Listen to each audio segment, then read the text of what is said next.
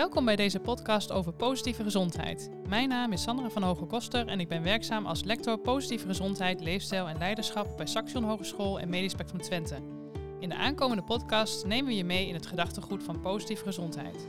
Positieve gezondheid stelt niet de ziekte of problemen centraal, maar een betekenisvol leven van mensen zelf. Wat is voor iemand nou echt belangrijk? Waar zou iemand zich op willen richten? Het legt de nadruk op veerkracht en eigen regie. Ik ga in gesprek met diverse inspirerende mensen binnen Saxion, die ieder op eigen wijze bezig zijn met positieve gezondheid. Vandaag heb ik in deze podcast twee hele interessante sprekers. Het zijn Rob Timmers, docent bij de opleiding fysiotherapie, en Anniek Lentverink, werkzaam als docent bij de opleiding toegepaste psychologie en onlangs gepromoveerd op het onderwerp stress en gezondheid. In deze aflevering gaan we het hebben over de pijler mentaal welbevinden binnen positieve gezondheid. Ik wil graag beginnen met de wondervraag. Rob, als er morgen een wonder zou gebeuren, hoe zou de wereld er dan voor jou uitzien? Ja, goedemorgen Sandra en Annick, goedemorgen. Goedemorgen. dat is een hele mooie vraag. Ja. Eh, om daar meteen mee, eh, mee te starten. Geeft een glimlach op mijn gezicht.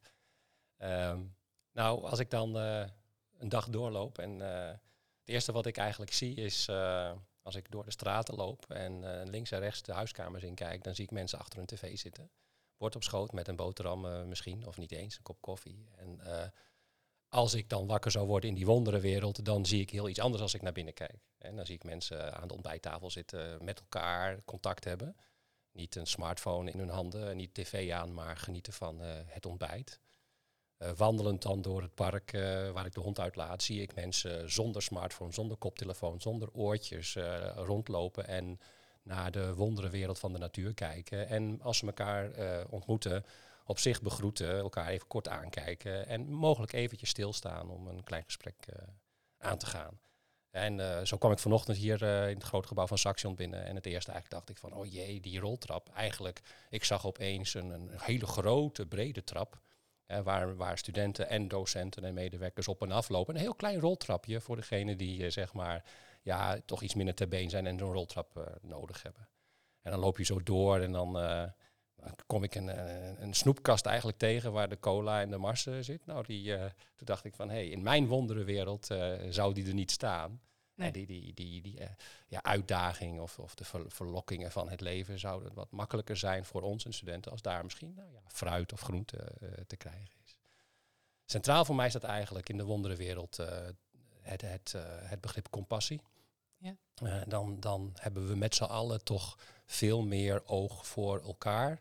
Um, voor elkaars uh, mooie momenten en minder mooie momenten. We zien het en, en er is een duidelijke drive om, om elkaar te willen zien en helpen in het klein.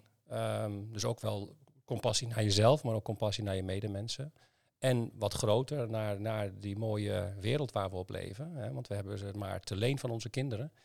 Zo, zo, zie ik het. Ik, leen ze van mijn kinderen en uh, daar moeten we toch wel uh, zuinig mee omgaan. Dus uh, ja, in mijn wonderenwereld is dat een beetje zo mijn eerste, zou mijn eerste antwoord zijn, Sandra. Ja, mooi. En sluit inderdaad heel mooi aan bij het mentale welbevinden. Aniek, hoe zou jouw wereld eruit zien? Is die vergelijkbaar met die van, van Rob of heel anders? Ja, je hebt hem heel mooi beeldend verteld. Ik kreeg daar gelijk een heel mooi beeld bij. Um, ik, uh, als, ik, als ik zou denken aan uh, de ideale wereld, dan denk ik toch aan um, een wereld in de context van de werknemer, dat er meer oog zou zijn voor preventie op het gebied van mentaal welbevinden. Als we kijken naar hoeveel werknemers de negatieve gevolgen van stress ervaren, een thema wat nauw gerelateerd is aan mentaal welbevinden, dan, um, dan zou er op dat gebied veel meer gedaan kunnen worden. Een vierde van de werknemers ervaart de negatieve gevolgen. En we zouden dat heel mooi, die werknemers zouden we heel mooi um, meer kracht kunnen geven door in te steken op veerkracht, de positieve tegenhanger van stress. Als je effectief bent omgegaan met stress, dan spreken we van veerkracht. Dus, um, en als we kijken naar uh, wat kunnen we dan doen, dan ligt daar een rol voor de werkgever natuurlijk, maar ook voor de werknemer zelf. Omdat die groep zo groot is, zullen we, zouden we ook wat kunnen doen met de zelfregie van de werknemer. En um, werknemers kunnen kunnen daarin begeleid worden door bijvoorbeeld een stukje technologie. Dus hoeven het niet zelf te doen, maar dat ze wat handvaten krijgen om het wat gemakkelijker te maken. Mooi, ja, heel mooi. En, zeker ook heel passend bij de positieve gezondheidsbenadering, hè, de veerkracht en de eigen regie die je, die je noemt. Dat, uh, dat ziet er heel mooi, uh, mooi uit. Ehm, nou Rob, net gaf je al in je wonden wat aan over het mentale welbevinden. Wat, wat versta jij daar, daaronder? Ja, dat is uh, een groot begrip en een mooi begrip in, in, ja, in, de, in de positieve gezondheid. Ik zou graag even heel kort toch even dat spinnenwebmodel ja, eigenlijk willen promoten hoe mooi dat is. En, omdat de verbinding met de natuur en het echte spinnenweb van een spin zo'n mooi metafoor is. zo'n mooi beeld dat je waar je ook uh, dat spinnenweb aanraakt, alle, al die draden beginnen tegelijkertijd te vibreren en, en dus hebben verbinding met al die verschillende aspecten. Ja. Uh, en, en daarbinnenin zit de spin vol vertrouwen van uh, het leven, het komt wel goed, er komt wel een keer vandaag, als niet vandaag dan morgen, een vliegje in mijn, in mijn spinnenweb. En dan vind ik uit dat vertrouwen de kracht om deze aan verandering in mijn in mijn spinnenweb op de juiste manier op te lossen. En, en dat is een van de dingen die mentaal welbevinden, in de positieve gezondheid natuurlijk een grote rol speelt. Dat is de, de veerkracht om met veranderingen om te gaan. Het, natuurlijk gaat mentaal welbevinden over het brein en alles wat er in het brein zich afspeelt. Hè, dingen kunnen onthouden en, en goed met elkaar kunnen communiceren. Dus luisteren en praten. Nou ja, luisteren, dat is ook weer een apart thema. Maar ik zou misschien graag willen, ja, willen uitlichten die... De, de veerkracht, omdat dat een van de pijlers is, hè, de mentale veerkracht. Hoe nou om te gaan met, met veranderingen. En ehm, ja, daar zie ik eigenlijk dat we dat uh, van jongs af aan in het Westen, hier in Nederland, helemaal niet leren. Uh, hoe ga je nou om als iets plotseling verandert? Als er opeens iets op je pad komt, het zijn van buiten of het zijn van binnen. En, en, en dan, weet je wel, uh, ja, dan ben je eventjes in een stressvolle situatie, net zoals ik net zei. En dan wordt er wat van je gevraagd, van je, van je denken, van je omgaan met. Hè. Dat noemen we misschien veerkracht als je daaruit ziet te komen. Maar we hebben de tools eigenlijk helemaal niet. Hè, dus hoe, hoe doe je dat dan? En wij denken maar, als we naar buiten kijken, als we naar elkaar kijken, dat alles hetzelfde blijft. Dat, hè, en, en als je nou anders naar het leven gaat kijken, dat alles altijd in verandering is. En dat je eigenlijk elke dag bezig bent met een klein beetje veerkracht tonen. En dat dat eigenlijk eerder normaal is dan dat dat apart is. Of dat, je daar, uh, dat dat ziekmakend zou moeten zijn. En dan kan je al heel jong beginnen om veerkracht als iets, uh, iets gebruikelijks te zien. Iets, iets wat heel, heel normaal is. Hè. Dan, kan je, dan hoef je niet op latere leeftijd, als de, als de patiënten bij je komen, of in de fysiotherapiepraktijk zoals bij, bij mij, of in de psychologiepraktijk, misschien bij Aniek, of uh, bij de huisartsenpraktijk. Hè. Um, dan hoef je daar niet alsnog uh, zwaar op in te zetten. Kan natuurlijk wel. Want dan uh, zijn er mooie manieren in de vorm van meditaties, in de vorm van gesprekken, in de vorm van therapievormen om te leren uh, die veerkracht weer te krijgen. want, want, net zoals spieren, in de fysiotherapie, hè, we trainen veel spieren, maar de, de mind, de brein is ook heel goed te trainen, heel goed te oefenen. En dus die mentale veerkracht omgaan met, met veranderingen is heel goed trainbaar. Ja, mooi. En kun je daar een voorbeeld van geven, hoe je dat zou kunnen doen? Voor jezelf of voor, uh, voor de luisteraars? Jazeker, zeker. Um, nou, de, voor, voor mij um, een, een, voorbeeld hoe, hoe ik, um, nou ja, ik zal dan een beetje persoonlijk worden vandaag. ja. ik uh, ben een paar jaar geleden in een flinke crisis terechtgekomen en heb mijn weg daaruit moeten vinden samen met behulp van, uiteindelijk ben ik eruit gekomen. En wat zo uh, waardevol was voor mij, was een, uh, waren twee, twee aspecten. Eigenlijk uh, het, het echt het mediteren. het gaan heel bewust gaan zitten of gaan lopen in een meditatieve mindset. Dus heel erg de aandacht houden bij waar ik mee bezig was. Dus vanuit het piekeren, het depressieve gedachtegoed naar het lijf gaan. Om, om te voelen, echt te voelen hoe mijn voeten staan of hoe ik zit. Laat ik zeggen, een klein beetje mindfulness, zo, hè, wat, wat we tegenwoordig wel veel horen en zien. En tegelijkertijd me verbinden met uh, mezelf, mijn, mijn, diepste waarden. Dus wat, wat, uh, hè, wat jij zegt ook bij de, bij de introductie, wat ik nou echt heel erg belangrijk vind. Ja.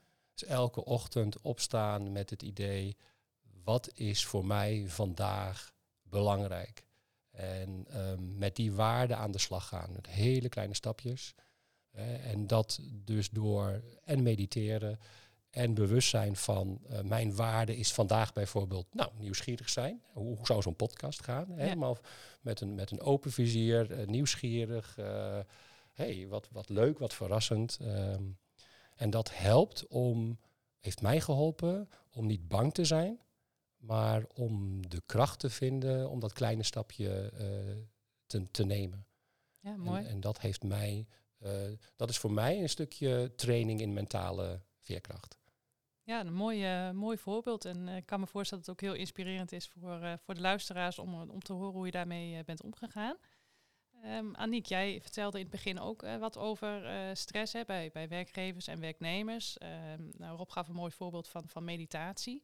Je hebt ook veel onderzoek gedaan naar het gebruik van technologie. Kun je, kun je daar iets in noemen hoe je misschien met technologie je veerkracht kan vergroten? Ja, ja zeker. Um, ja, ik vind eigenlijk heel mooi hoe jij dat aangeeft. Um, uh, dat je vanuit een stressvolle situatie, je werd eigenlijk gedwongen om je veerkracht te trainen. Om op zoek te gaan naar, hey, wat, wat werkt, hoe kom ik uit deze situatie? Dus stressvolle situaties kunnen we eigenlijk heel mooi zien als um, interessante leermomenten. En ja, om vanuit die stressvolle situaties onze veerkracht te trainen, hebben we een stukje reflectie nodig. En dat hebben wij proberen te doen uh, door middel van het inzetten van technologie. Daarbij hebben we zelfmeettechnologie gebruikt. Mensen kennen dat vaak als bijvoorbeeld het, het uh, bijhouden van de stappen. Mm -hmm. uh, op gebied van stress kun je denken aan, um, wij hebben bijvoorbeeld mensen gevraagd om drie keer op een dag eens aan te geven, hé, hey, wat was je moment waar, waarbij je het meeste energie kreeg en wat was het moment wat je meeste energie heeft gekost. En daar is goed naar te kijken, wat, wat was daar de oorzaak van? En um, dat die inzichten gebruiken om na te gaan denken, welke strategie heb ik eigenlijk tot mijn beschikking? Om misschien die momenten dat me uh, veel energie heeft gekost, om, um, om die, dat energieslurpende proces eerder te stoppen. Ja. Dus we hebben dan bijvoorbeeld ook um, door middel van ademhalingsoefeningen, mensen konden een, een clipje aan hun oorlel hangen en dan werden er bepaalde fysieke maten gemeten, dat in relatie staat met stress, zoals je hartslag bijvoorbeeld. Als je uh, emoties ervaart, uh, als je stress ervaart, dan gaat je hartslag omhoog. Mm -hmm. En als je niet in beweging bent, dan kan het, um, kan het een seintje zijn dat stress speelt. En door middel van bijvoorbeeld zo'n ademhalingsoefening doen, zie je, kun je eigenlijk gelijk heel mooi terugzien in die waarden die gemeten worden, of je, um, uh, of je weet te bereiken om die hartslag weer wat omlaag te krijgen. Ja, mooi. Ja, ja. dus als, je, als het ware heb je een soort van reflectie uh, maar dan op basis van de lichamelijke uh, nou ja, signalen die je lichaam eigenlijk afgeeft, op, op basis van uh, de stress die je dan op dat moment ervaart. Ja, ja. ja. ja en um, op zich dat het inzetten van zelfmeettechnologie voor, om inzicht te krijgen, daar houdt het niet op. En dat is vaak wel hoe we het nu zien in technologie. Dus je krijgt die data binnen, je krijgt mooie grafiekjes te zien. Um, en dan? Dan komt eigenlijk pas het complexe gedeelte, dat je moet gaan reflecteren. En daar worden mensen nu nog vaak te vaak uh, los in gelaten, dus dat ze dat zelf moeten doen. Maar wat eigenlijk heel mooi zou zijn, is dat een automatische e-coach um, zo een stukje op weg kan helpen. Dan kun je denken aan um, dat zo'n technologie je wat vragen kan stellen. Om, je, om wat dieper inzicht te krijgen, maar ook je uh, op weg te helpen. Ja, wat, wat zou ik dan kunnen doen in de toekomst om zo'n energieslurpend uh, slurpende situatie aan te pakken of te voorkomen? Ja, ja ja, mooi, zeker. En die, en die, reflectie daarin, zeg maar, ook bij mensen zelf. Hè, dat is natuurlijk een heel belangrijk uh, onderdeel. En, en uh, ook heel ja, passend bij positieve gezondheid, waarbij echt die blik naar binnen gaat. En je voor jezelf nagaat van wat is voor mij belangrijk. En dat sluit eigenlijk ook heel mooi aan bij, uh, bij jouw verhaal, Rob. Ja. Dat, ja, ik zit met verwondering naar Aniek te luisteren, moet ik eerlijk toegeven. Ja. Hoe, hoe mooi dat inderdaad aansluit op elkaar. Ja. ja. Prachtig. En uh, als, ik, als ik jullie uh, verhalen zo hoor, dan hebben we het gehad over, over technologie. En, en jij bent bij jezelf, denk ik, heel erg uh, te raden gegaan met, met mindfulness en dergelijke. kan de omgeving daar ook nog iets, iets in doen? Ehm, ter ondersteuning zeg maar, van het mentale welbevinden? Nou ja, um, wat mij betreft zeker. Hè, de, um, alles, uh, net als een spinnenweb, is alles met elkaar verbonden. Uh, dat heb ik heel erg goed uh, ervaren. En eigenlijk ook als we naar mijn beroep toe kijken, zijn we daar al in het biopsychosociale model al, al jaren eigenlijk heel, heel duidelijk mee bezig.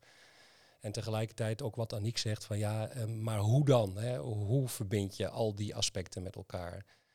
hoe maak je dat werkelijkheid? en ehm, alles zijn feedback loops. Dus je krijgt constant een beweging richting het fysieke, richting het spirituele, richting het sociale. En dat komt weer altijd weer terug bij jezelf. En het begint toch altijd een stukje bewustzijn dat dat zo werkt. Hè, dat het niet piramides zijn. Hè. Nog steeds, als ik hier door de gangen loop, zie ik de True North als een piramide. Met een soort basis, dat piramidedenken. Um, ja, een beetje plat, een beetje ouderwets. Of niet, hè, of, of, of modern en, en terug. Uh. maar het leven is, is cyclisch, is, is, is uh, vol, vol met, met, met loops. En de omgeving Um, van klein naar groot. Hè? Dus, dus uh, micro, meso, macro is iets wat we graag in het onderwijs gebruiken als, als terminologie. Dus je, je, eigen kleine omgeving kan enorm helpen um, als er in diezelfde omgeving kleine prikkels komen die je uitdagen in je waarden en normen. Waar, dat heb je nodig. Je hebt die kleine stressoren nodig, Annick, denk ik. Hè? Om, om uh, nou ja, weerbaarheid te, te, krijgen. Want veerkracht is misschien dat je net iets te ver zakt. En dat je dus die veerkracht nodig hebt. En weerbaarheid is dat je toch al geleerd hebt. En dat je steeds maar weer, oké, hey, dat, dat herken ik. Dus als je een beetje een uitdagende, prikkelende omgeving hebt, niet te ver, niet, dus niet, en dat is natuurlijk een, een hele dunne lijn waarschijnlijk. En, en, en zo kan het eh, veel groter nog. Hè. Dus, dus de, de omgeving, je, gaat een, je stapt een winkel binnen, uh, een supermarkt binnen, een willekeurige supermarkt. En um, ja, dan kom je van alles tegen. Allerlei uitdagingen die duur zijn, goedkoop zijn, aantrekkelijk zijn, niet aantrekkelijk zijn. Wordt het mij heel erg gemakkelijk gemaakt om de minder ja, gezonde of minder voedende uh, producten uit te kiezen? Of wordt het me, word ik een beetje geprikkeld, een beetje uitgedaagd om te zoeken? Hè? Dus daarin zie ik, ehm, als je het over het mentale deel uh, hebt, we hebben een prikkel nodig, dus maak het ons niet te makkelijk.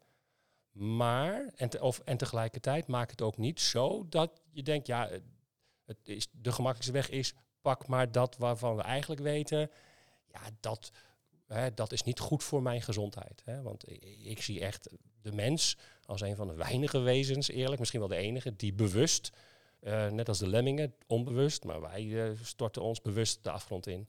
Uh, door bewust toch te weten, ja, dit is niet genoeg, maar ik pak het toch. Ja, ja. Dus een, een omgeving die me uitdaagt, die me mentaal uitdaagt om elke dag een heel klein beetje mijn, mijn, mijn weerbaarheid. ik kan linksaf gaan de stad in en gaan zitten en een biertje pakken doe dat dan met vrienden en, en dan die verbinding. Of ik ga rechtsaf, hier het uh, mooie volkspark in en ga genieten van de natuur. Uh, dus ik, hier heb ik een, eh, een kleine prikkel. Ja, ja. ja, mooi hoe je dat, uh, hoe je dat omschrijft. ja. En, en, en Aniek, kun jij daar ook nog iets in aangeven? Want jij noemde van de werknemer zelf kan natuurlijk iets daaraan doen om zijn veerkracht te vergroten. Maar wat zou een werkgever in jouw ogen kunnen, kunnen betekenen om hier wat aan te doen, ook vanuit die omgevingsinvloeden? Ja, ja, als we kijken naar stress, dan um, stress ontstaat eigenlijk als, als de eisen van de omgeving te veel zijn geworden ten opzichte van de middelen die we hebben om daarmee om te gaan. En bij middelen kun je eigenlijk aan heel veel dingen denken. En de, de werkgever kan daar ook uh, um, een aantal dingen, aspecten stimuleren. Zoals bijvoorbeeld um, steun, sociale steun is, is een heel belangrijk middel. En dat kan de werkgever ook geven door waardering te uiten bijvoorbeeld. Um, een omgeving te creëren waarin nee zeggen mag.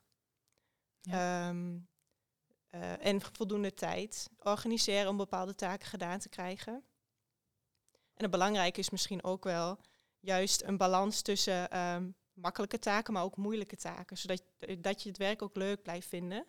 Dat stimuleert productiviteit bijvoorbeeld. Dus, uh, ja, ja, ja, mooi. En ook mooi inderdaad om uh, even terug te komen op het spinnenweb, hè, wat jullie eigenlijk ook aangeven. En dat is natuurlijk ook zo, die pijler is uh, het mentale welbevinden, maar die staat ook eigenlijk heel erg in verbinding met de andere pijlers, als de sociale dimensie en het, uh, het fysieke. En dat hangt allemaal met elkaar samen. Het stukje zingeving is een hele, hele belangrijke. Ja, mooi hoe jullie dat omschrijven.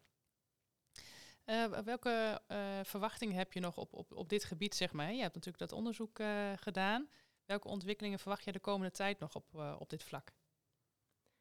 Uh, ja, als het gaat om um, um, nou, ja, we, zien, hè, we zien de cijfers, de stresscijfers toenemen, burn-out cijfers toenemen.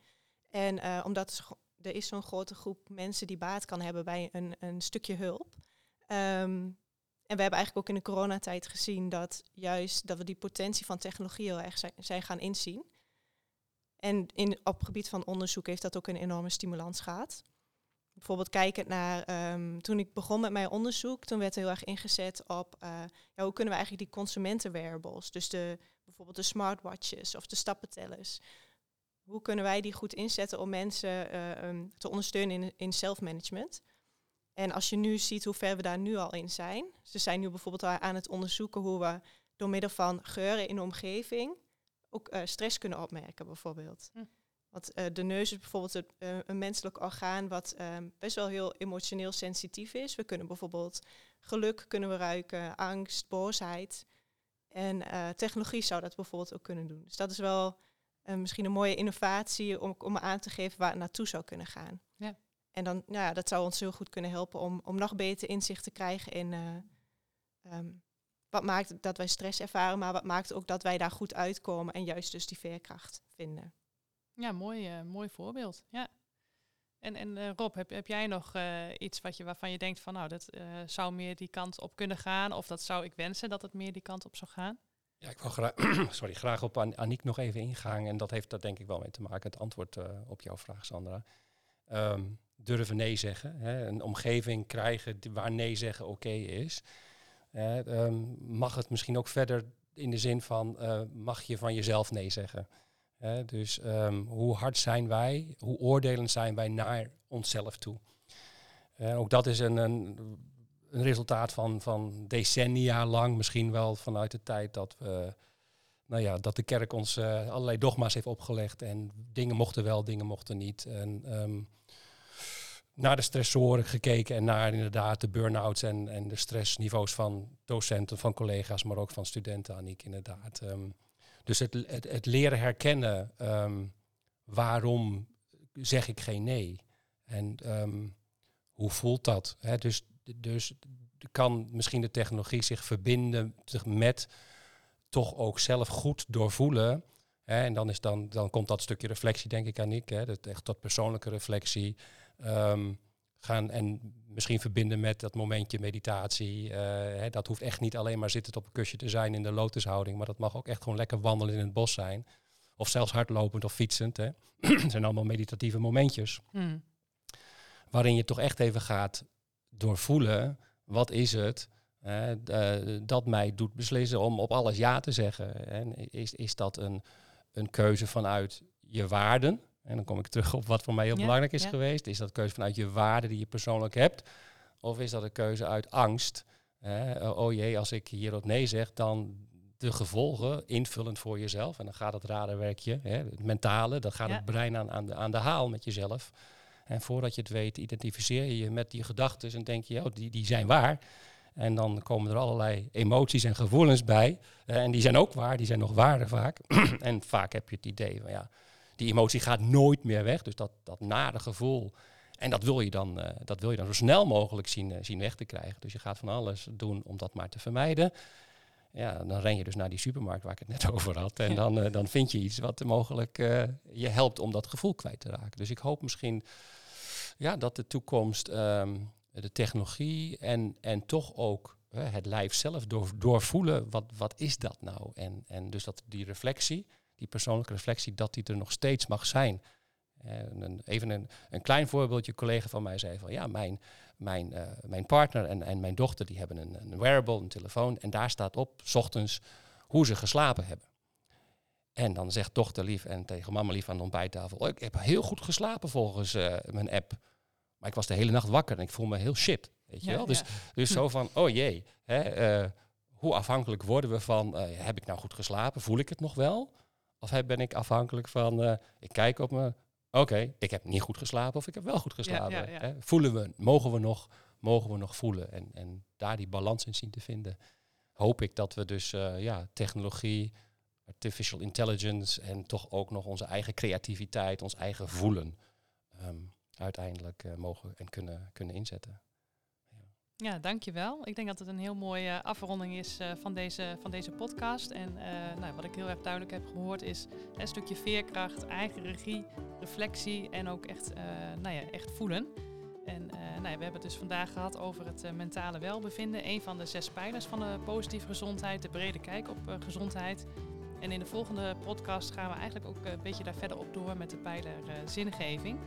Aniek en Rob, ik wil jullie heel erg bedanken voor het delen van jullie verhalen, ook persoonlijke verhalen. En ik hoop ook dat de luisteraars hebben genoten van deze podcast en nou ja, goede ideeën hebben gehoord om hier mee aan de slag te gaan. En dat je aan de slag kunt gaan met je eigen mentale veerkracht en positieve gezondheid.